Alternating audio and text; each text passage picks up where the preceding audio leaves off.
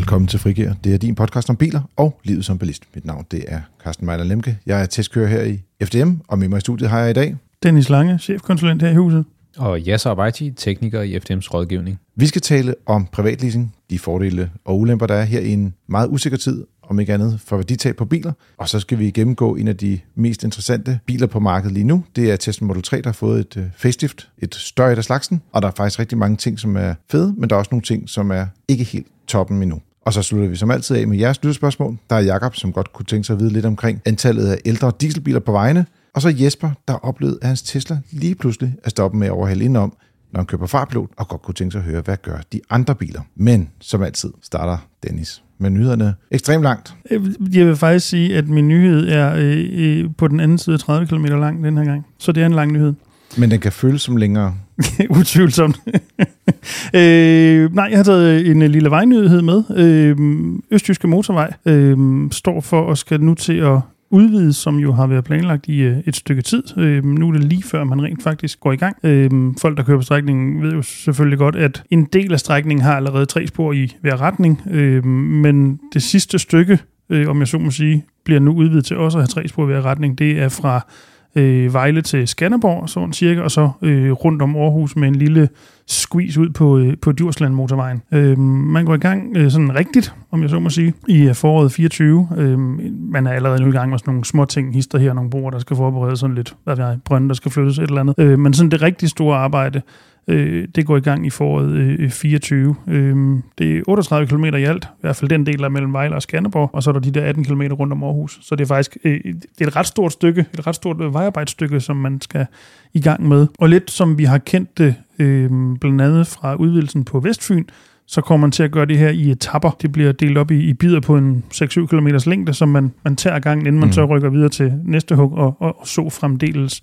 Og så regner man med, som planen viser, og der skal man jo lige huske, det plejer rent faktisk at holde, når vi snakker øh, øh, vejprojektet herhjemme. Det har gjort det rigtig mange år. Øh, man regner med at være færdig i, øh, i 26. Øh, så øh, der er øh, relativt gode udsigter for, at det ikke er nødvendigvis sådan psykopat lang tid, at vi skal genere sig vejarbejde, når man kører på, på Østtyske motorvej. Øh, og jeg vil sige, det er jo altid med sådan noget, at det skal være skidt, før det bliver godt. Men det er også lidt, ja, det, det er sådan en, ja, vi skal lige trække vejret et par gange, ikke? Ja, ja, ja præcis. Ved det, der, der kører jo over 90.000 biler i døgnet øh, på den strækning, og jeg, jeg synes også selv, øh, nu er vi jo også i, jeg skal sige, vi er hovedkvarter i København, men, øh, eller i Lyngby for at være mere præcis, men vi har også ret meget i Jylland, og kører også meget derover også omkring Silkeborg, og den vej, der er vi jo efter Jyllandsringen derovre. Mm. Så øh, jeg sad og bare tænkte, uh, det kommer, det kommer til at være et par, par hårde på trods af, at man ikke kører der til hverdag. Ikke? Jeg tænker, at dem, der kører der hver dag, de, de, de bliver lagt, altså, der bliver pres på. Jamen det gør der, men jeg vil dog sige, at erfaringen fra for eksempel Vestfynske Motorvej, udvidelsen der, det bliver jo på samme måde, hvor du har to spor i hver retning med, med 80 mm. i timen. Ja. Så kan der være nogle enkelte korte perioder, hvor der måske er lokalt nede på 50, når man skal lave et eller andet mere. Men, men grundlæggende 80 i to spor i hver retning. Og det plejer faktisk at fungere og glide relativt godt, især hvis folk nu lige gider og rent faktisk overholde hastighedsgrænsen og holde afstand så kører det faktisk rimelig fornuftigt. Selvfølgelig er det langsommere, end hvis der var øh, øh fuldt åbent, men det er ikke nødvendigvis noget, der behøver at være sådan helt hvad hedder sådan noget, pestagtigt, hvis det er et ord. Jamen, du kan også sige, der hvor der rent faktisk er mest trafik på vejene, der kører man jo forvejen ikke over 80. Nej, typisk ikke i, og, i myldretiden. Og, og, og i dag har du heller ikke mere end to spor. Nej, nej, nej. Det er derfor, man øh, kører i gang med at bygge. Præcis, det er du fuldstændig ret i. Så øh, det, det skal nok blive godt på et tidspunkt, og, øh, og, og, og det er jo rart, når nu man har været vant til at sidde i kø på Vestfyn, eller køre langsomt der, man nu skal sidde og køre langsomt et andet sted i stedet for, når man er på tværs af landet. ja, tror jeg nok. jeg har en nyhed med fra Renault, som øh, har præsenteret øh, deres femte generation af Renault Scenic. Øh, den har de præsenteret på... Øh, den internationale biludstilling IAA i øh, Tyskland, og øh, vi har jo fået en, øh, en ny generation af Scenic. Det synes jeg faktisk er, er fedt, at vi får MPV'erne tilbage. Ja, det gør du så ikke helt. Nej, men lidt ja. øh, får vi MPV'en tilbage. Øhm, det er jo ikke en øh, syvpersoners bil, øhm, men i façon øh, er den en MPV. Øhm, den får en... Øh, øh, nogle af, af, af de her ting, som vi kender fra Renault Megane E-Tech, øh, blandt andet øh, den lille batteripakke i den her Scenic, vil så være den store batteripakke fra Renault Megane, Øh, og så kommer den så også med et, øh, et lidt større batteri, også som øh, giver op til de her 620 kW, eller undskyld, 620 km på, på en opladning, der bliver den lige kilowatt-timer og kilometer sammen. Ligesom. Det kunne være ret sejt med at have 620 kWh batteri, men det var noget tung bil, ikke? ja, ja, ja, lige præcis. Og øh, det lille batteri er jo så, som sagt, på de her 60 kWh netto og 87 kWh på den store batteripakke. Øh, den lille batteripakke vil så øh, kunne klare 420 km på en, øh, en opladning ifølge WLTP.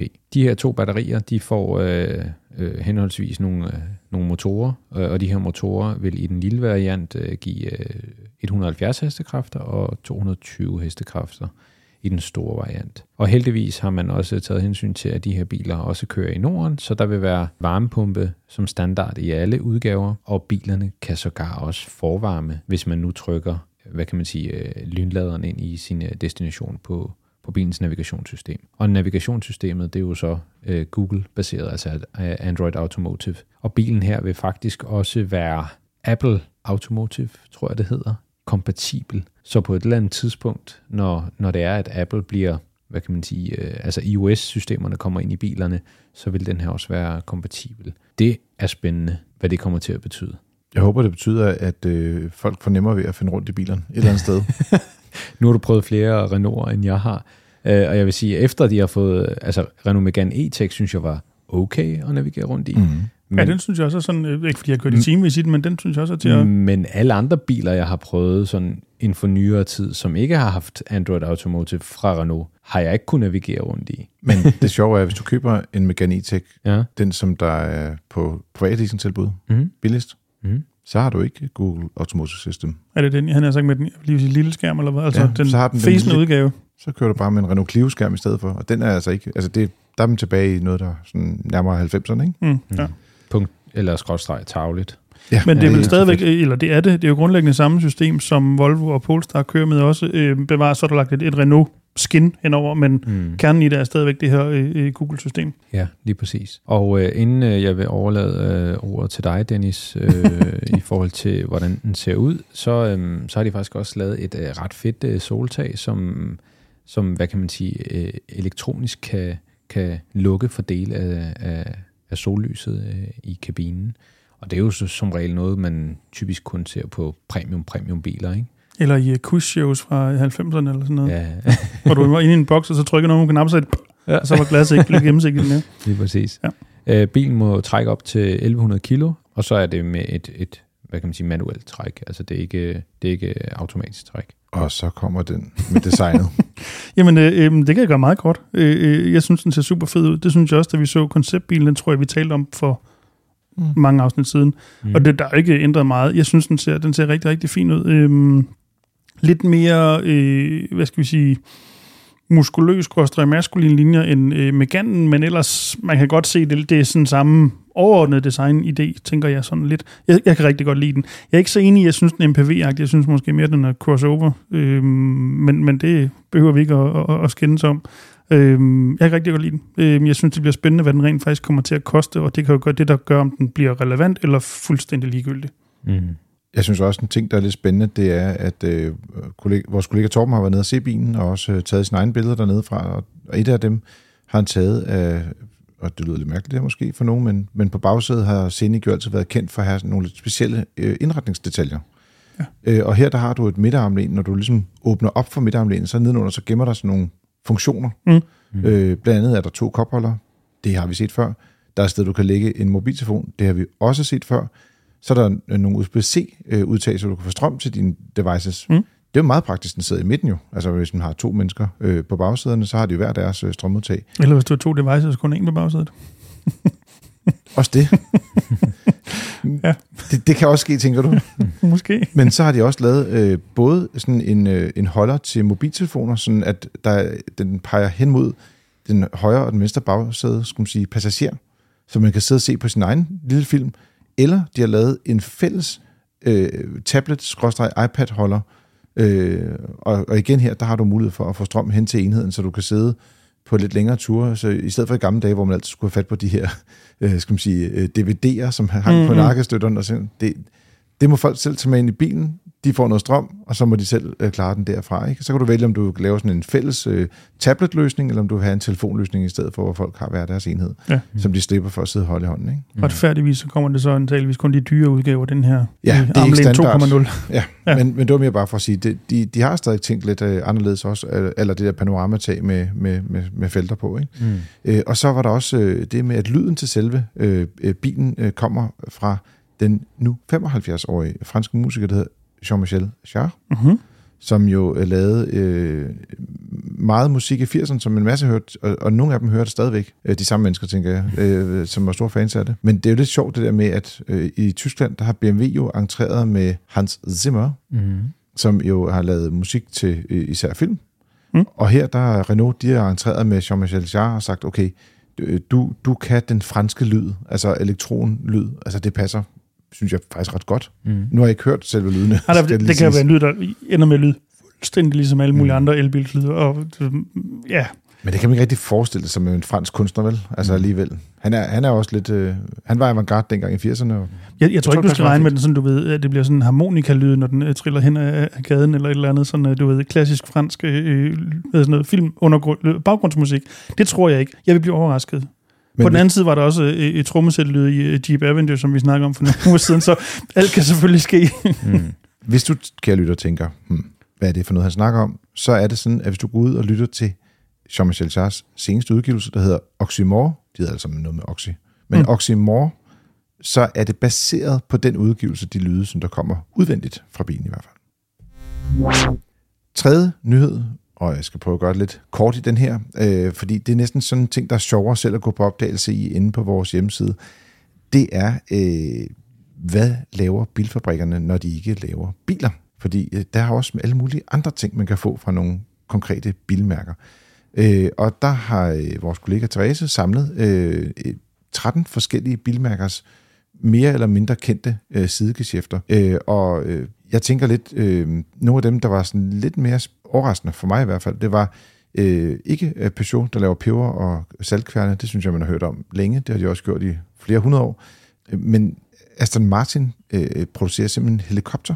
Det havde jeg simpelthen ikke hørt før. Og det havde jeg heller ikke. Det var sådan en virkelig en overrasker, ikke? Jeg har heller ikke været i markedet, men, øhm, men nej. Nyt for mig. Er der nogen af jer, der kan gætte, hvem det er, øh, der laver, hvor man kan købe kajwurst hos? Yes. Ja. Den er god, den der. Det mest solgte varenummer hos Volkswagen Præcis. ever. Og det er en, en pølse. Det er, det er altså fedt, at man har så mange medarbejdere, som går ind og køber. Øh, jeg skal lige have en, øh, en 199 og 398 500A to go. Kan man, kan man teknisk set gå ned til sin lokale øh, Volkswagen-forhandler og bestille det her, hvad der vel teknisk set er et reservedelsnummer, og så få leveret en pakke pølser? Ved du hvad, Carsten, næste gang du skal ud og hente en pressebil, så går du lige ind på lageret og hører, om de kan levere sådan en der. Ja, jeg, siger bare, jeg siger bare nummer uden at sige Ja, mere. ja, til, ja, hvornår lige præcis. Lige men, men, men bare lad være med at sige, altså, det kan godt være, at den ikke er varm, når du får den, men, men prøv lige at høre, om du kan bestille sådan en. Det skal siges, at de øh, laver mere end 7 millioner eksemplarer hvert år af dem her. Øh, jeg har også lavet mig fortælle, jeg har faktisk øh, smagt den, øh, fordi de også har dem med på biludstillinger. Mm. Øh, nogle gange. Og så øh, er det ligesom frokosten, så får man den, det er jo derfor, de øh, producerer 7 millioner øh, eksemplarer af den her pølse med øh, Mm. til. Den er ganske udmærket. Det er en, det er en god pølse. Adskiller den sig fra så mange andre tyske kajpølser? Ej, den er sådan lidt, jeg vil sige, down, øh, sådan lige i midten. Det er ikke sådan, Kedelig, så det passer til brandet. Mm. Det ligner, det ligner sådan noget IKEA noget, gør det ikke det? Det er Ja, bare- jeg vil sige, den, den, den er IKEA Plus i, i forhold til smag. Mm. Så øh, ved jeg det, men den er ikke sådan en, man siger, okay, det var det vildeste, jeg nogensinde har Ah, oplevet nej, af nej. nogensinde.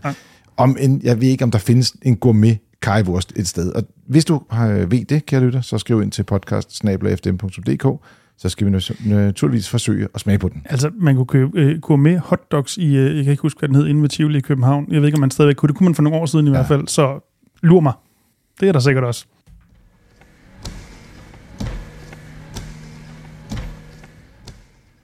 Fra noget, man kan købe, til noget, man måske vælger lease i stedet for. Biler. Privatleasing er begyndt at, at rykke igen. Øh, det er sådan lidt, øh, det her privatleasingmarked, det bevæger sig lidt op og ned i mængde, men også i interesse. Og vi kan mærke på vores øh, telefoner herinde i vores rådgivning, at der er flere, som ringer ind og spørger omkring privatleasing, og det er, synes jeg i hvert fald, der er en rigtig god årsag til. Vi øh, er lige i øjeblikket i gang med, for dem der ikke lige øh, har opdaget det, øh, at skifte fra benzin- og dieselbiler over til elbiler på øh, nybilsmarkedet. Og øh, det gør, at der er en masse usikkerheder øh, omkring det. Der er nogen, der måske godt lige kunne tænke sig at prøve at have en elbil for at se, om det overhovedet passer i deres liv. Øh, der er også mange, som er bange for, hvad gør det? Altså, hvad, hvad kommer jeg til at tabe i værdi, hvis jeg køber en benzinbil eller en dieselbil i dag? Det sidste vil nærmest være selvmord, ikke? Rent økonomisk. Øh, og, og hvad nu, hvis jeg køber en elbil? Kommer der så en lige om to måneder, som kan lade med 36.000 volt, og er meget bedre end det, vi har i dag? Alt den usikkerhed, den gør jo, at privatleasing er jo en, en måde ligesom at få andre til at tage risikoen for en. Øh, og, og så er det, ja, det er ikke... Er, er, der, er det virkelig en, en grund mere, bare for en god ordens skyld, lige pt.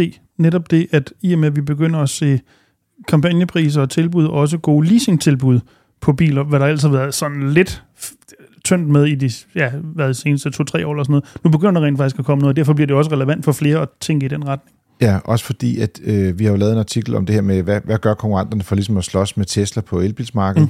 Mm. Øh, men, men det gør så også gældende andre steder, hvor der er, de er ikke så tilbøjelige til at ændre deres listepriser. Så vil de hellere give mere udstyr, som man kan se nogle mærker gøre. Øh, Skoda Folkevogn for eksempel. Mm. Øh, BUD talte vi også om her for et par uger siden. Ja. Øh, og i den anden retning, der går de ud og laver privat leasingtilbud, ligesom på den der øh, Renault Megane E-Tech, vi talte om lige før, hvor der var en meget skarp pris på den. Øh, I stedet for at sætte prisen ned, så øh, siger, skal man lease den til 3900 om måneden øh, uden udbetaling, eller skal betale 350.000 kroner i køb. Øh, du skal privat lease den til de ja. penge, det er ja. helt sikkert. Ikke? Mm. Så øh, der, der kommer helt klart noget der også. Mm. Så øh, men jeg ved ikke, hvad, ja, så I har mange spørgsmål omkring det. Øh, er der noget, du kan supplere med dernede, når, når folk ringer ind? Hvad, og siger, ja, så skal jeg privat en bil. Hvad siger, ja. du, hvad siger jeg så så? Jamen altså, det kommer lidt an på den enkelte situation, øhm, men jeg kan også godt øh, mærke, at folk ligesom i forhold til den her Tesla-effekt øh, også afventer og ser, jamen, øh, hvad kommer det egentlig til at have betydning, og hvad sker der i forhold til de biler, som tyskerne ikke gider at have, og som nok formentlig ender her hos os øh, i Danmark øh, og kommer til at presse øh, elbils brugt, altså brugte elbilers priser Øhm, så jeg kan godt forstå, hvis man står i, i hvad kan man sige, og, og er lidt usikker på, hvad, hvad man skal. Og der kan privatleasing være ikke den, den billigste øh, løsning, men det er i hvert fald en, en forholdsvis sikker løsning, for man ved, hvad, hvad det kommer til at koste i en given periode. Og vi har også en del øh, medlemmer, som har leaset for at, ligesom at prøve det ad, øh, og se, hvad, hvad er det her for noget. Øh, også plug-in hybrider. Øhm, og så på et tidspunkt, så bliver de, hvad kan man sige, selvsikre nok til at, at, at sige, ja, nu er jeg, nu føler jeg mig klar. Øh, nu har jeg set, hvor mange ladestander der er derude. Nu har jeg set, at, at det er muligt at komme til en ladestander og lynlade og diverse. Og så, øh, så vælger de som regel at tage springet. Der er nogen, der måske tænker, hvordan kan det være, at der ikke har været flere gode leasingtilbud på elbiler? Men det er jo sådan, at når man ser på privatleasing til øh, skal man sige, øh, af biler, øh, så traditionelt set har det været benzinbiler eller dieselbiler, hvor der er der øh, en ret meget afgift på. Øh, stor andel af, af bilens pris er rent faktisk afgift. Og ved at leasingselskabet øh, køber mange biler, kan de købe dem lidt billigere, og dermed kan de også få afgiften sat ned. Og det vil sige, de Plus får... at de også typisk betaler forholdsmæssig afgift, altså ikke betaler hele afgiften op front, men betaler den øh, øh, løbende følt forholdsmæssigt. Ja, men det vil de teknisk set også gøre på elbilerne. Der er det bare, ja, jo, jo, jo. Der er det bare 0 ja. kroner afgift. Ja, ja, så, enig. Så enig. hele konceptet er, at, at der er noget i det her med øh, ja, finansiering af afgift, men det er altså også blevet lidt dyrere. det var tidligere, jo, jo, jeg skal lige huske på. Jo, jo. Men det er bare for, det er også en, en, en, det spiller også ind. Endnu en faktor. Ja. Men det var bare for at sige, hvor det var før med en benzinbil, der kunne du få en rabat, og så få afgiften i rabat oveni, ja. og så kan du lave en lidt smartere pris. Så kan du ikke gøre det på en elbil, hvor der er 0 kroner afgift. Hmm. Altså, så, så på den måde er det lidt, altså der er rabatten rabatten. Hmm. Så øh, du får ikke ligesom dobbelt op på rabat øh, i, i den øh, så det, ikke, så det du prøver at sige, det er, at det er ikke så favorabelt at lave leasing-tilbud på elbiler, ikke? Som benzin- og dieselbiler. Lige præcis. Det er alene på grund af afgiften. Lige så præcis. det er sådan, det er. Øh, men jeg tænker også, øh, i forhold til at privatlise, og så tænker jeg jo altid, øh, nu kommer der sikkert måske 30.000 forbehold for juristen, men kan du bare tage tre af dem måske, eller et par af dem? Sige, er der noget med privatleasing, hvor du tænker, det synes du, man skal være særlig opmærksom på? Jamen jeg vil sige helt grundlæggende, man skal jo selvfølgelig være opmærksom på, altså hvad, hvad er vilkårene i aftalen?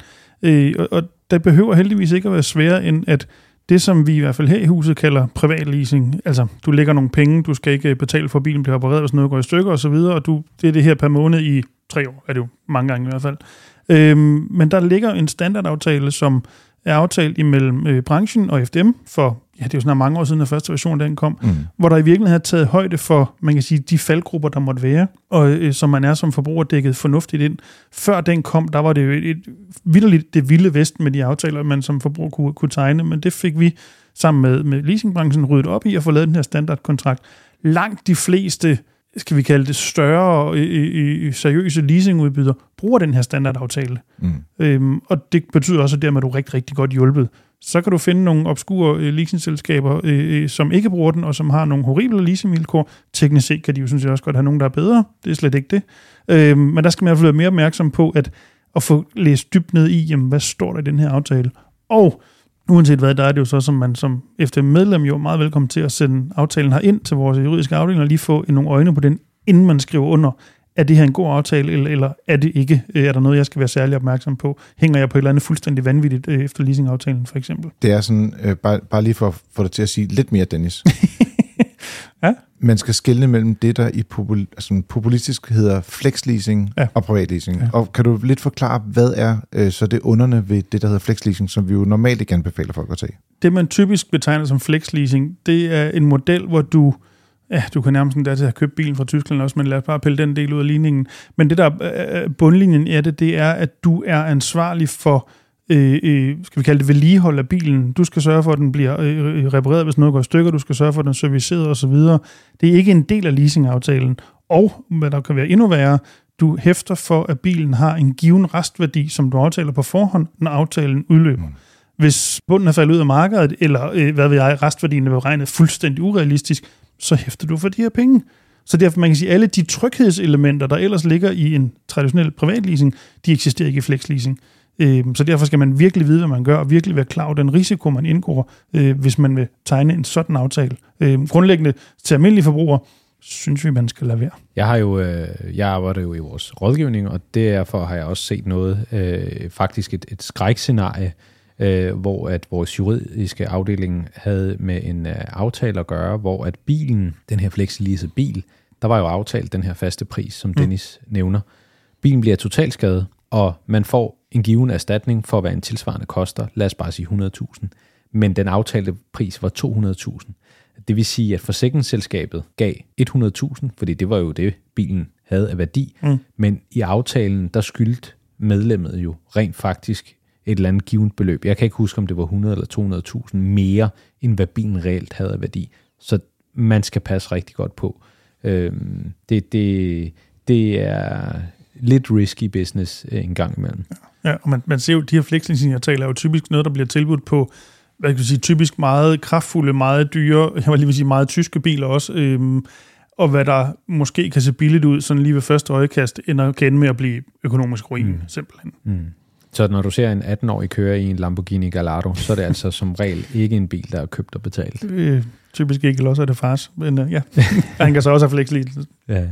Det er nok det mest sandsynlige. Ja, ja. Men for alle dem, der går ud og kigger på sådan lidt mere øh, øh, almindelige biler end en Lamborghini Gallardo, så øh, hvad det, er, er privatleasing øh, interessant igen. Man skal selvfølgelig lige holde øje med, om priserne er fornuftige. Og jeg vil også sige, hvis man kigger på lidt kortere perioder og siger, og jeg overvejer lige et år eller to at prøve den her type bil, om den passer til mig, så vil det som udgangspunkt altid være billigere at privatlease end at købe, fordi der er stort værditab, når man køber biler. Mm.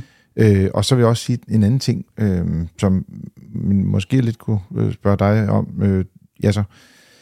Jeg tænker lidt, når folk de kigger på en bil, og det er ny teknologi, og der kommer jo nogle fejl engang mellem på dem, så er man jo også lidt bedre dækket af, at man altså, har skubbet al risiko væk fra sig, øh, i forhold til at gå ud og købe det. Mm. Men som siger, hvis det er inden for to år, så er der måske stadig garanti på de fleste biler, men hvis det er en, over en treårig eller en fireårig periode, som nogle leasingaftaler i dag er begyndt at løbe, mm. Folkevogn har skiftet over til 48 måneder i stedet for på deres aftaler mm. faktisk. Mm. Så øh, øh, ja, det, det kan også godt være, det, det, mening, altså det kan også godt være, nu vil jeg ikke øh, hænge nogen ud her i den her podcast, men der findes jo nogle mærker, som... Hvis det er Dennis, så må du godt. nej, men der, der er jo nogle mærker, som, som ikke har et særligt godt rygte lige i øjeblikket, øh, i forhold til nogle benzinmotorer, der ikke klarer det super godt. Men folk er glade for bilerne. Altså, de, de, de er gode at køre i, og de, de er, hvad kan man sige, god indstigning og, og, og flot design osv. De er rasende populære til trods. Lige præcis. Ja. Dem kan man jo lease til en fornuftig pris. Mm-hmm. Og, og der har jeg det sådan, jamen, lease bilen. Det er jo en fin nok bil, og så kan den springe i luften. Det er ikke dit ansvar. Det er øh, leasinggivers øh, ansvar. Mm. Og så der har jeg ikke noget imod, at du, øh, at, du, kø- at du får fat i den her bil. Men køber du den samme bil, så kan du stå med nogle helt andre problematikker og biler, øh, som, som ikke kan sælges igen, og motorer, der ikke øh, duer osv. Det Så det er ikke kun elbiler, man skal være bange for. Det kan også være andre biler. tænker kan, være, det kan være andre biler også, ja. Nå, og hvis du gerne vil vide, hvad det er, så skriver du ind til Jasser på podcasten.dk, så skal jeg nok svare derinde. Øh, Eller måske bare lytter et eller andet antal afsnit tilbage, så tror jeg godt, ja. man kan lure den nogenlunde. Øh, Øhm. det er må- måske en lille øh, krølle, der er vigtigt at, at, at tage med. Nu er det jo ikke øh, ens egen bil, det er jo en, man ja, Lejer. lejer. lejer i virkeligheden. Det er jo sådan set grundlæggende det samme. Øh, men det er egentlig bare for at sige, øh, når nu leasingaftalen er færdig, og man afleverer bilen, så øh, er der jo et potentielt issue med de skader, man måtte have påført bilen. Sådan det der, man kan sige, almindelige øh, slid og sådan småbilkabul og sådan noget, det plejer ikke at være et problem, ikke hvis det er en fornuftig leasingaftale, men sådan deciderede skader hæfter man jo for. Det kan man selvfølgelig have fået lavet på sin forsikring undervejs, men alternativt blev man jo så bonget for det til sidst. Nogle lease, eller slutter nogle forsikrings, øh, bilforsikringsprodukter har også sådan en, en, en forsikringsdækning i forhold til skader ved afleveringen. Øh, der kan også være noget, man skal kigge ind i der. Men det er bare for at sige, at hvad jeg, har du nu øh, øh skrevet hele højre hjørne af bilen, så skal du ikke regne med, at du øh, slipper for det den dag, du afleverer bilen. Det får du altså lov til at betale for på den ene eller den anden måde.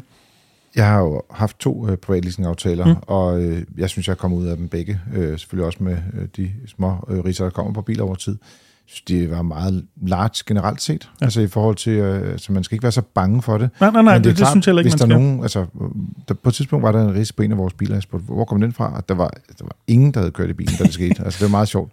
Men der var en rise på den, og, og, den, den skulle jo laves. Ja. Og der vil jeg sige, altså den pris, der rent faktisk kom, øh, den var så fair, at det gav ikke nogen mening at, at tage et forsikringsselskab ind over, fordi de havde nogle andre priser, fordi nu er det jo lige pludselig leasingselskaberne, der har en aftale ud, og de går ud og handler priser, og det kan vi privat slet ikke være med på Mm. mm. overhovedet. Øh, Måske forsikringsselskaberne kan gøre lidt af det, mm. men så skal du aktivere din selvrisiko, og nogle gange så er de her priser faktisk lavere på lige at male et hjørne, end, end selvrisikoen er på din bil. Så spørg dit forsikringsselskab, om de har en særlig tilbud. Øh, hvad det? Vi havde sådan en max på, at vi ikke kunne have skader for mere end 5.000, tror Ja, jeg det var. Det ja, kostede en lille premium hvert år for det. Det er typisk det, der er. Dem, jeg har set, og så er det typisk det, netop det der. Der er et cap på 5.000, hvad der måtte være. Denne uge, der har vi ikke fat på en testbil eller en forpremiere, som vi ellers plejer at gøre, men vi havde fat i Tesla Model 3. Der er nemlig kommet et facelift af modellen, den amerikanske hurtige elbil, der kom på markedet øh, derovre, over there i 2017, og to år senere kom til Danmark, og faktisk blev valgt som årets bil i Danmark, som den første elbil nogensinde i 2020. Så øh, ja, Og startede årets brugtbil.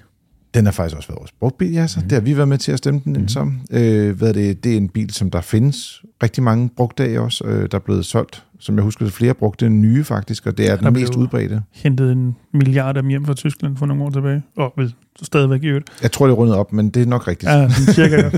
Sådan cirka. Men øh, der er rent faktisk flere PT, øh, der kører øh, Tesla Model 3 i Danmark, end Tesla Model Y, som jo er den mest solgte nye bil i hvert fald. Men der kom et lille facelift af den her bil øh, i efteråret 2020. Det var der, hvor man også begyndte at få biler fra Kina for eksempel, men der kom lidt noget elbagklap og nogle krom delete på siderne, og lys i baglygterne var lavet på en lidt anden måde. Det var sådan meget let facelift, de lavede dengang. Mm. Det bedste var, at den fik varmepumpe. Så fik den varmepumpe, og batterierne ændrede faktisk også størrelse, tror jeg, ikke? Jeg faktisk i tvivl. Nå, de, det er det gode ved Tesla, det er, det kan du ikke slå op, fordi de fortæller aldrig, hvor store batterierne er. og det har de så holdt fast i, også her i- forbindelse med faceliftet. Det, det kan man ikke få at vide. Priserne starter lidt højere nu, end de gjorde før faceliftet. De er steget med ca. 10.000 kroner til en basispris på 340, og deres long range, den med firehjulstræk og lidt større batteri, i en eller anden størrelse, øh, den er, koster nu 400.000 kroner. Det er sådan, at de har nogle lidt specielle fælge på den her bil. Det er sådan, at bilen er blevet typegodkendt med, øh, så at sige, øh, WLTP-målt med 19 tommer fælge. Så det er den rækkevidde, du ser, når du går ind på Teslas hjemmeside. Mm. Så det kunne man få en til at tro, det er den rækkevidde, man får, når man køber bilen. Men det er det slet ikke.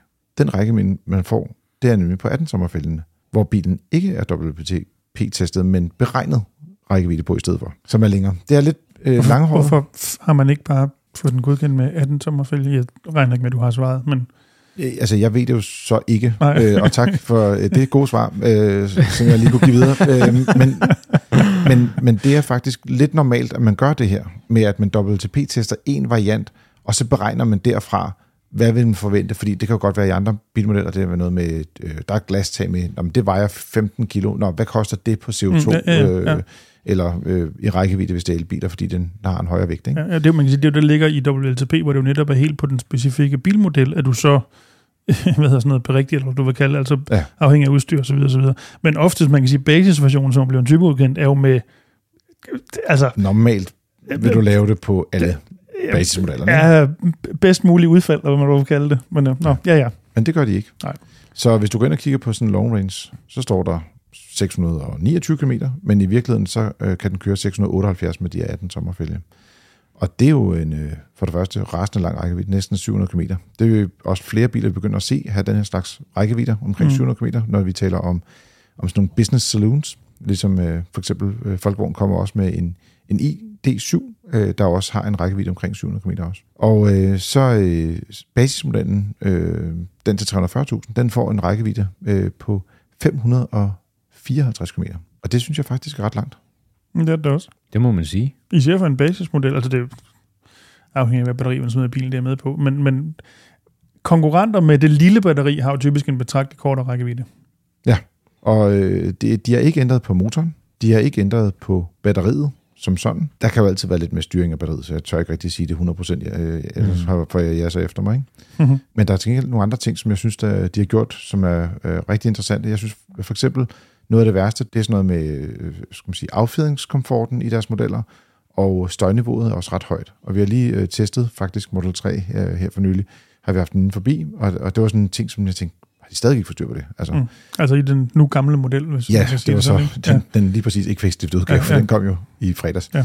Men der har de simpelthen ændret deres øh, forsophæng, og endda øh, måden, at selve forsophænget sidder fast på chassiset, øh, også ændret med nogle andre gummibøsninger og nogle nye støddæmper, og øh, hvad er det, de har sat støjdæmpende ruder, øh, akustisk glas, hele vejen rundt øh, bilen. Mm. Selv taget. Selv taget. Ja, Mhm. jamen det er fordi, ja, og det taget og bagruden er jo et stykke mm. i virkeligheden, ikke? Ja. Så det er jo faktisk alt glas af, Mm. mm. af skal man sige, støjdæmpende. Og det er jo en, altså, det vil jeg sige, det glæder mig til at se, hvordan det fungerer. Fordi mm. det, det er noget, den har haft brug for, øh, i forhold til nogle af de andre øh, biler. Der var typisk meget dækstøj i sådan nogle biler her, Mhm. mm. så Det, øhm, i forhold til det, som jeg har læst og, og set øh, forskellige steder, så har de faktisk også, øh, altså fronten er blevet mere aerodynamisk i forhold til den her øh, rækkevidde, som, som, øh, som bilen har. Der har man gjort det, at man også har strukket motorelmen sådan så, at vinden ikke bliver forstyrret i forhold til de øh, vinduesviskere, der sidder på bilen. Så man har ligesom gjort bilen endnu mere strømlignet. Og ja, jeg synes faktisk også, den er blevet pænere at se på. Den er blevet sådan lidt mere voksen at se på. Øh, ligner ikke så meget en frø. Øh, man kan sige, at den er i hvert fald blevet, især fronten, eller det er jo der, hvor det, den er blevet lidt mere, jeg tror, jeg vil kalde det udglattet. mm. Øhm, den, den oprindeligt havde lidt en, jeg har lyst til at kalde det lidt noget, der minder om en delle på, på forgrufangeren. Øhm, mm. Nu er det bare, øh, øh, ja, vi har taget strygerne og glatter det hele lidt ud, agtigt. Også lygterne er, er smallere og mindre og øh, mere sådan strømlignet at se på. Lige præcis. Og det, det, er, jo, det er jo spændende. Øhm, jeg ved ikke rigtig, hvad jeg skal synes om bagenden. ej, du må elske den, for den ligner jo en lille bitte smule mere end en Polestar nu. Mm. Synes du det? Ah, den har det der med baglygten, hvor den laver det der sving ind, ikke? Skal du godt nok knibe øjnene jeg meget skulle sammen. lige til at sige, det, det er i hvert fald ikke, ikke med de øjne, jeg besidder. Men, øhm. men lidt sjovt, så sidder lygterne jo fast i bagklappen, som jeg har forstået det. Når de åbner op, så går lygterne med op. Mm. Og så bliver reflekserne så bare siddende på, på bagskærmen eller på, på gråseriet. Og heldigvis også, kan man sige, øh, selve ladestikket, øh, det rører ikke med op. Det, Nej, er, nej. det, det er også lidt plus. Utrolig praktisk. Ja, ja. Nå, skal vi snakke om noget dårligt også? Jamen, jeg tænkte på, øh, kan vi lige bare tage en lille bit smule mere positivt først? Ja, For- okay. Bare lige for, Ja. at, øh, Ja, ja. at der ikke at der rører hætter øh, snak på det. Men mm. der er også nogle skuffende ting selvfølgelig. Øh, de siger, at de har fået bedre materialer i kabinen. Blandt andet har de fået ventileret sæder. Der er mulighed for køling i sæderne, har jeg set et sted også. Jeg tænker, at det bliver da meget interessant. Så kommer der en øh, 8-tommer skærm ved bagsædet. Der er også en skærm i, på bagsædet ved Model S. Øh, jeg ved ikke, om det er præcis samme størrelse, men, men 8 tommer er da i hvert fald en, en pæn tablet-størrelse. Mm. Øh, så øh, der er også mulighed for, at man kan se noget Twitch og noget YouTube og nogle andre øh, ting at styre øh, ventilationssystemet ved bagsædet og sådan nogle ting. Udelukkende kunne vise øh, Elon Musk's live øh, Twitter-feed. Ja. Øh, X. Ja, jeg nægter. Nå. Twitter. ja. Nå, så lad os komme over til det, som er forfærdeligt. Øh, hvad er, det, Øh, øh, lige en, en sidste er der ting. en sidste positiv ting også? Ja, ja, altså jeg ved ikke, om det er positivt, men, men, men øh, i forbindelse med det her løft af kabinen, så er der også kommet øh, en sådan LED-stribe, som, øh, som går hele vejen igennem. Ambient øh, lighting. Ambient lighting i hele bilen, Yes. øh, som man kan skifte farver på. Og det tror jeg er med til at løfte den her premium-fornemmelse. Og de har Øh, også fået et nyt øh, øh, skal man sige, øh, system til at få luften fordelt, øh, så den kan komme lidt mere bredt ud i, i fronten af bilen og sådan nogle ting. Altså, Mm. der er mange ting, kan man sige, det, hvor de har opgraderet den, hvor det er blevet bedre. Mm. Men så er der også nogle ting, som de så har valgt ikke øh, at ændre, og så er der også nogle ting, de har fjernet. Så lad os starte med det, de fjerner. Det, der er simpelthen ikke nogen stilke ved siden af, af rettet, så du kan ikke øh, skal man sige, aktivere blinklyset på en vippearm. Du kan heller ikke, øh, du har ikke, du har ikke en gearvælger længere. Mm. Det var den anden arm, de havde t- tilbage, skulle jeg til at sige. Øh, de har jo aldrig haft noget til vi- vinduesviskerne. Det har altid været sådan lidt øh, en knap for enden af et ret, eller inde i en menu, det afhænger af, hvordan de har kunne betjene det gennem tiderne. Men øh, det vil sige, at de er gået over til det her med, øh, man kan aktivere blinklyset på selve rettet, og der vil jeg sige, nu har jeg jo prøvet at køre en Model S, men med det der mærkelige yoke-ret, men Plate-udgaven. i plate-udgaven. Mm. Øh, og, og der har den også de her blinklys, som man skal aktivere ved at trykke på rettet, og det er umanerligt besværligt, når der er, man er inde i en rundkørsel. Fordi at du altid har drejet rettet lidt mærkeligt. Mm. Man kan, ikke, man kan ikke dreje det hele, altså du kan ikke køre igennem alting og holde fast i rettet. Hvis den havde så godt et styreudslag, så havde det været fint nok, men det kan man ikke. Mm. Så øh, man kommer hele tiden til at lige at flytte hænderne lidt, og så, ved- så ved du ikke præcis, hvor det er, man skal trykke på knappen, og du skal du jo gøre i rundkørslen i Danmark. Jo. Ja, jo, jo. Og Så- mange andre lande også, for den skyld. Det, det er en detalje, jeg synes, det virker fuldstændig komplet idiotisk at indføre, øh, for nu at pakke det lidt ind. Jeg kan godt se, at man selvfølgelig sparer nogle penge ved ikke at skal have en stilk på, men, men hvis det er det, det handler om, så vil jeg nok hellere undvære den der lille skideskærm om ved bagsæderne, og så beholde bl- blinkerstilken. Det er meget et mærkværdigt valg. Jeg forstår det ikke. Men, men tror du ikke, det er fordi, de gerne vil have det her enkelhed? Som jo også er altså det, de så heller ikke har gjort, øh, så at sige, ved, øh, som der har, der har været mange rygter omkring den her bil. Nogle af de ting, som der var rygter om, det var, at der ville komme en instrumentskærm, ligesom Mm. der er i Tesla Model S. Det er der ikke kommet, så du skal stadig se farten inde på selve hovedskærmen. Øh, der er heller ikke kommet en større bagklap. Det var der også nogen, der sagde, ændrer den form fra at være en sedan til at rent faktisk at være en, en hatchback Som øh, den i Øh, virkeligheden ligner den er, som men den aldrig har været. er, Ja. som den aldrig har været. Ja. Øh, fordi det har der været nogle billeder ud, hvor der viste ligesom, at nogle, der var nogle andre samlinger på, Mm, på mm. karosseriet, men det viser, at det var ja, ikke nogle pixelfejl eller et eller andet. Det, det, var- det var der i hvert fald heller ikke. Ja, og så er der det der med gearvælgeren, som, øh, som nu kommer til at ligge i skærmen. Jeg, altså, jeg ved ikke rigtigt. Jeg, synes, det, det, Jeg, jeg, jeg synes, at det nogle gange kan godt blive... Øh, det, der nogle gange kan være Teslas problem, der er mange, øh, men det er, at man nogle gange jagter en eller anden ideologi så langt ud, at det bliver ikke brugbart og til dels heller ikke trafiksikkert. Men fordi man har en idé om, det er den her vej, vi gør det, så gør man det alligevel. De her blinkerknapper, en af dem, det der yoke i, i Model S'eren er, er, et Mm. andet. Og det bliver bare sådan lidt skingert på en eller anden måde i, i mit hoved. Øhm, det være, det bare mig. Nej, det, altså jeg, jeg er enig. For mig er det ligesom at, at, at flytte rundt på pedalerne på, mm. på bilen. Ikke? Altså det er så integreret en del af det at køre bil. Jeg siger ikke, at, at man må ikke lave forandring, eller at tingene ikke må ændre sig. Jeg, jeg synes bare, at det er så markant en del af det at køre bil. Og man kan sige, du bliver jo ikke dus, dus med den her bil øhm, sådan lige på fem minutter. Og det kan jo være, at, at, at det her det er en firmabil for eksempel. Mm. Øhm, og det bliver du ikke bare dus med. Så du kan faktisk stå i en trafikfarlig situation. Øh, jeg tror ikke, altså nu har jeg ikke prøvet den anden, men, men jeg tror lige, jeg skulle have en del tilvændingstid, øh, før jeg blev dus med sådan noget her. Hvorimod at det andet, det, det er jo noget, man gør på alle biler, og man behøver ikke at tænke sig om, når man drejer og blinker og så videre, så gør man Præcis. det jo bare. Jeg synes, jeg, jeg synes, det er lidt en forkert retning at gå øh, i, forhold til, øh, i forhold til trafiksikkerhed. Ligesom jeg også synes, det er en forkert retning at gå og fjerne parkeringssensorer og radarer på sådan en bil. Det bør man ikke gøre. Konkurrenterne, jeg ved godt, det er for at skrue priserne ned og så videre. Øhm, jeg synes bare, at, at, at, at trafiksikkerheden øh, er kommet langt med teknologien, og så synes jeg, det er ærgerligt, at man begynder at skære nogle ting fra. det er lidt sjovt, fordi vi havde faktisk, øh, og det var så ikke øh, den Tesla, jeg talte om lige før, men en anden model, vi havde haft inde på et tidspunkt. Og så tænkte vi, den var nemlig gået over til det der visuelle øh, opmåling af afstanden. Og så kørte vi sådan hen til et bestemt punkt, øh, sa- samme afstand fra en væg. Og den ene gang, der viste den 60 cm, og den anden gang, der viste den 90. Og var sådan, mm, okay, det er alligevel 30 cm, det er ret meget, ikke? Mm. Især hvis man allerede har ramt væggen, så er det jo lidt irriterende. øh, og rykte yder, yder, yderligere 30 cm, eller, men bare det med, at, at du ikke kan være sikker på, at det her fungerer. Jeg synes også, det er ærgerligt, at de har gået væk fra skal man sige, almindelige sensorer i forhold til afstandsmåling. Ikke? Mm. Øh, ja. øh, der er jo så heller ikke noget head-up display. Mm. Øh, Der har BMW så lige introduceret noget, de kalder nøgleklasse i den der IAA-udstilling, du talte om lige før, altså, øh, hvor det er, at du får et head-up display, der går hele bunden af, af, skal man sige, mm. af forruden, og passageren også kan se det, men i Teslaen der er der ingenting. Altså, så de, har heller ikke, øh, de holder også fast i, at der ikke er noget Apple CarPlay eller Android Auto. Det er fortsat en ting, de ikke ønsker ligesom at gå med. Man kan sige, nogle af funktionerne har du måske i forvejen, men jeg synes bare integration. Det var lidt ærgerligt, at man ikke har muligheden for at, at gå den retning, hvis man godt kan lide at, at bruge mm. sin, øh, sin telefon som base, hvad det angår. Så har de fået nye forlygter, som øh, er, er blevet mere sådan mainstream eller pænere at se på, hvad man skal kalde det. De har flot design og sådan nogle ting, men, men det er stadig ikke øh, adaptiv. Altså der er ikke det der, nogen kalder matrix forlygter, hvor det er, at mm. du kan øh, delvis blænde op og ned for det. Jeg, jeg håber altså, at lyset er bedre, end det var i de gamle øh, forlygter, som dels både kunne blænde modkørende, men også øh, faktisk er et ret dårligt øh, lys i forhold til det, som konkurrenterne øh, tilbyder. Og så ved jeg ikke, om, om man skal sige, den, den sidste ting, det er sådan en vinduesvisker på bagruden. Det kan man altid diskutere, når det er de her lidt mere flade bagender. Men, men nogle gange så er det lidt irriterende, når bilerne holder stille, og det har regnet, øh, at der er vand på ruden. Øh, når du kører, så er det lidt, lidt mindre problem på, på Teslaen, fordi at der kommer en ret god øh, skal man sige, aerodynamik eller fartvind hen over øh, bagruden, som får fjernet det. Ikke? Jeg synes ikke, det er lige så slemt som på Ioniq 5. Nej, men der, den ligger også lidt mere flat, kan man sige, på den ja. konto, ikke? så det, det hjælper lidt på det. Mm.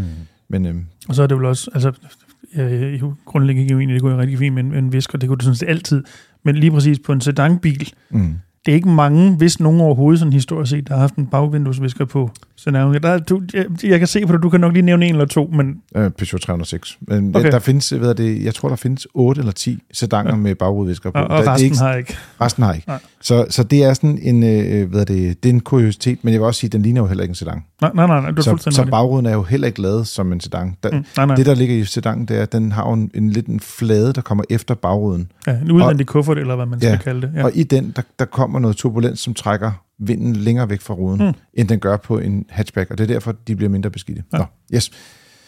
Men om ikke andet, øh, gå ind på fdm.dk, læs lidt mere om modellen derinde, øh, se billederne ikke mindst af den, hvis du ikke har set dem i forvejen, og så ellers så er der jo bare ud at kigge på, om, om det skal være ens næste bil. Overvejer man topmodellerne Model S og Model X, så kan man også overveje at, at, at kaste lidt færre penge efter dem nu, fordi de har sat prisen ned med over 300.000 kroner, begge modeller.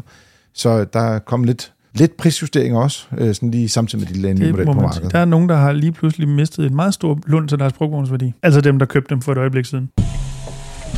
Og nu er det tid til jeres spørgsmål. Vi har fået en mail fra Jakob. Han siger, tak for en god podcast. Jeg synes, det være spændende at få en opdatering på, hvor mange elbiler, der nu er indregistreret i Danmark, og hvordan det går mod målet omkring 1 million elbiler i 2030. Men mindst lige så interessant er det at kigge på, hvor mange af de der rigtig beskidte dieselbiler, og måske også benziner, der er tilbage på vejene. Salget af elbiler går, er jo kun godt, hvis det samtidig betyder, at der forsvinder nogle af de biler, som forurener meget. Og han har lidt flere betragtninger, men vi holder den her øh, rimelig stramt øh, i forhold til, det var, der var et godt spørgsmål, hvor mange er der af elbiler? Det har rundet 150.000. Men derudover, så gik jeg ind og kiggede lidt på, øh, hvad har bestanden af dieselbiler været i Danmark øh, i år, for fem år siden og for ti år siden. Og øh, det er sådan, at der findes noget, der hedder euronummer, som fortæller lidt omkring, hvad for en emissionsstandard bilerne lever op til. Præcis. Og hvis de er det, der hedder Euro 4 og eller ældre norm, så øh, har de ikke partikelfilter. Og det er det, der ligesom er den helt store øh, game changer i forhold til udledning. Mm. Det er klart, at hvis man vælger den en nyere en, som hedder Euro 5, så er den mere ren har partikelfilter. Vælger en Euro 6, så er den endnu mere ren. Også på andre parametre blandet. Er det nok sådan, den gør det på? Eller er det nogle andre... Det er ikke bare CO2. Der er nogle forskellige punkter, de måler på. De er markant strammere, hvis det er en Euro 6. Det er fuldstændig rigtigt. Det er bare bedre. Det er den korte version, ja. Og, og det er sådan, at hvor der for 10 år siden var omkring 130.000 øh, af de her øh, partikeløse dieselbiler. Eller nærmere partikel med partikler. Uden partikelfilter. Uden partikelfilter, ja. ja. Så øh, er vi nede på 70.000 nu, så det er, skal man sige, de er ved at forsvinde stille og roligt for markedet. Det, og det er jo, altså, det er ikke så mærkeligt, det er jo biler, der er, så vidt jeg husker, var det hvad? Oh, det var omkring 11, at, at skiftet skete fra øh, Euro 4 til Euro 5, hvis jeg lige husker mm. rigtigt. Så, så det er jo biler, der også i sagens natur er ved at være ret gamle, og dermed bliver der færre og færre af dem. Helt naturligt. Og Euro 5-bilerne, dem er der sådan i en periode kommet lidt flere af. Altså mm. fra, for, for 10 år siden var der ikke så mange, så kom der flere på markedet i løbet af de kommende fem år. Der var stadig en del af dem, der blev sådan solgt, så at sige. Men, men også dem er der faldet i antallet cirka 40.000 færre, der er kommet de sidste fem år. Mm. Og samtidig med det, så er de her Euro 6, som er de nye biler, øh, de er gået fra at fylde øh, ingenting for 10 år siden til at udgøre cirka 350.000 biler i dag. Så man kan se, at de dieselbiler, der er på markedet, de er i øh, langt højere grad, øh, skal man sige, både med partikelfilter, men også af den nyeste generation Euro 6. Ja. Så øh, den del er i hvert fald allerede begyndt at bevæge sig nu, og det bliver selvfølgelig også interessant at se, hvad der sker med dem fremadrettet. Og man kan også se, at øh, det synes jeg var lidt sjovt, øh, og nu har I så set tallene, så jeg kan ikke stille et spørgsmål omkring det. Men det overrasker mig helt sindssygt, øh, at der er kommet øh, flere biler de sidste 10 år. Jeg har ikke sådan holdt så meget øje med tallet på den måde. Men vi er gået fra, at der var 2,2 millioner biler i Danmark til 2,8. Har- Det har du ikke kunne mærke på, på vejene? Jeg kører åbenbart på de forkerte tidspunkter. Ja, åbenbart. Altså, jeg, jeg, jeg, jeg synes jo, de sidste 5-8 år, der synes jeg, der er kommet ret mange biler til.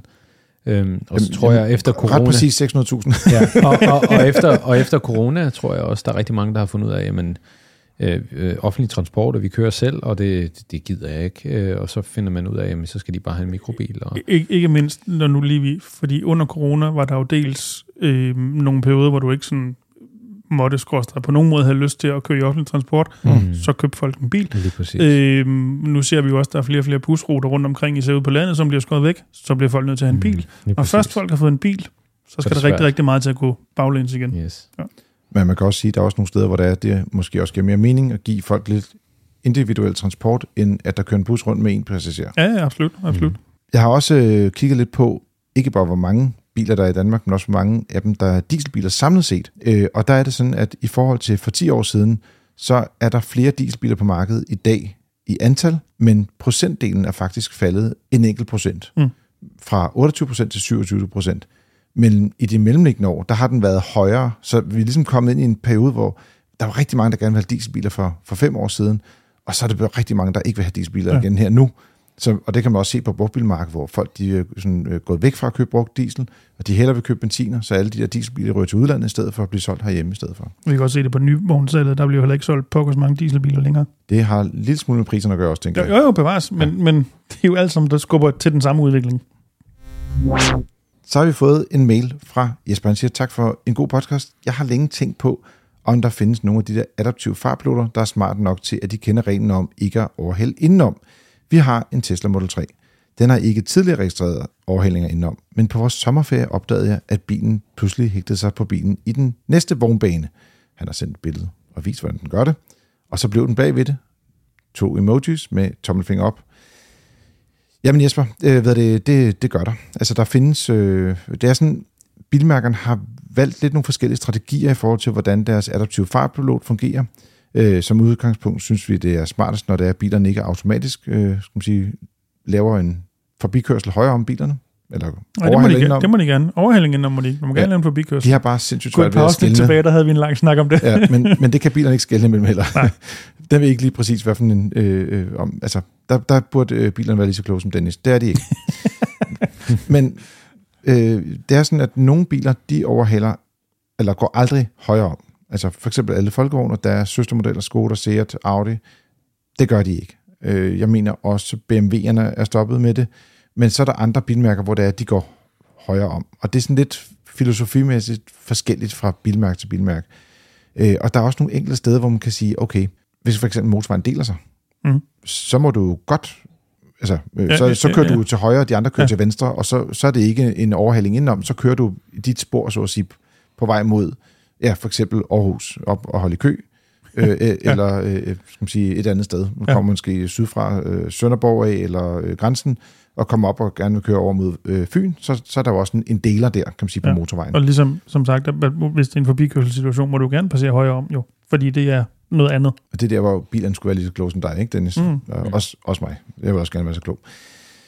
Men øh, hvad er det, øh, der må også være nogle andre ting. Hvad siger Dennis til sådan nogle løsninger her? Altså, Jamen, jamen, jeg er ikke sikker på, at jeg nødvendigvis synes, det ene er bedre end det andet, øh, men, men det, der jo sådan ligesom står tilbage til allersidst, det er, uanset om, hvad bilen så gør, så er det jo den, der sidder bag rettet, der har ansvaret for, at man ikke øh, øh, bryder loven. Øh, og det er jo ikke, altså det, man har aktiveret sin øh, fartpilot, er jo ikke en ansvarsforskrivelse på nogen måde overhovedet. Øh, så man skal jo selvfølgelig selv, hvad skal vi sige, justere ind efter, at øh, loven skal overholdes, uanset hvad pokker bilen den gør. Øh, Og så især hvis det er ens egen bil, en bil, man kører i tit, bliver man jo, det er da min egen erfaring, rimelig hurtigt vendet til at vide, mm. man kan sige, hvor bilen i situationstegn gør noget forkert, og så man kan kompensere for det på forhånd i virkeligheden også. Mm. Man kan også sige, hvis man lander i de der situationer, hvor der er, bilen holder tilbage, den siger, oh, jeg må ikke øh, køre forbi her, men Dennis siger, det er okay, fordi du er på vej mod Fyn i stedet for mod Aarhus, så må du godt gå højere om. Så kan man faktisk trykke på speederen, og ligesom at bryde med den fartpilotsbegrænsning, der ligger altså på hastigheden. Øh, mm. Så, så, så overruler man jo systemet. Du kan også bruge bremserne, så bliver du også slået fra. Så det er jo ikke sådan, at bilen overtager kontrollen 100%. Mm. Men det, jeg tror også, at meget af det her, det går også ind på, jamen, altså bilen skal jo se og føle, øh, for også at kunne tage en vurdering på, hvad, hvad, hvad skal vi gøre her. Mm. Øhm, og se, det er jo i forhold til, at der er nogle vejstriber på banen, så vores kamera kan se, at der er 1, 2, 3, 4, 6 baner. Øhm, og, øh, og i forhold til at føle, der går vi tilbage til de her radar og så videre, hvor langt er vi derfra, øh, og, og, og hvad er vi forprogrammeret til at gøre i sådan en situation som her. Øhm, og på et eller andet tidspunkt, så tænker jeg også, at der er så meget data, øh, og det er sådan nogle som Tesla blandt andet, men de ved, hvad der sker på den her strækning, hver gang den her bil den kommer her. Mm. Og så samler man op på det her, øh, den her store mængde af data og siger, jamen her, der plejer vores biler at gøre sådan her, når de selv kører, og derfor så kan vi programmere autopiloten til at reagere på den her måde. Og så kan man så sige, okay, hvor sofistikeret er bilens øh, hardware, hvor meget øh, computing power har vi, altså hvor, hvor, hvor stærk er vores øh, computer i bilen, og det kommer der jo så et resultat ud af. Og nogle gange er det godt, og andre gange så er det mindre godt. Øhm, så det er en rigtig god idé at komme ud og prøve bilerne, de specifikke biler. Nogle, nogle af dem, der, der, der ryster man på hovedet i forhold til, hvor, hvorfor gør du, som du nu gør? Mm. Og andre biler, det fungerer rigtig, rigtig godt. Øhm. Jeg tror, det er meget godt det der med, at man finder en bil, som også passer til ens temperament. Mm. Altså, at, at, at man ikke føler, at man ligesom skal øh, hele tiden gøre noget for at bilen skal gøre, ligesom man selv gerne vil have, skal gøre. Altså, jeg ved ikke, hvordan man skal sige på den måde. Det er... Man kan sige, det kan overordnet set skal det jo gerne være, de her systemer skal jo gerne være en hjælp, og ikke noget, der, der gør, at du skal gøre ekstra ting for rent faktisk at køre, som du godt kunne tænke dig. Jeg tror, Nej. det er det, du prøver på at sige, ikke? Jo, det er det, og man, og man bliver stresset over det, mm. og øh, skal man sige, at man ligesom føler, at man slås med bilen, mm. i stedet for, at det er ens gode ven, ikke? Ja. Du lytter til Frigær. Det er din podcast om biler og livet som bilist. Husk at trykke abonner ind i din podcast-app, og anbefaler os gerne til en ven. Har du et spørgsmål, så kan du sende det til podcast Ja, så Dennis. Merci. Lige over. Selv tak. Og til dig, kære lytter. Tak fordi du lytter med, og god tur derude.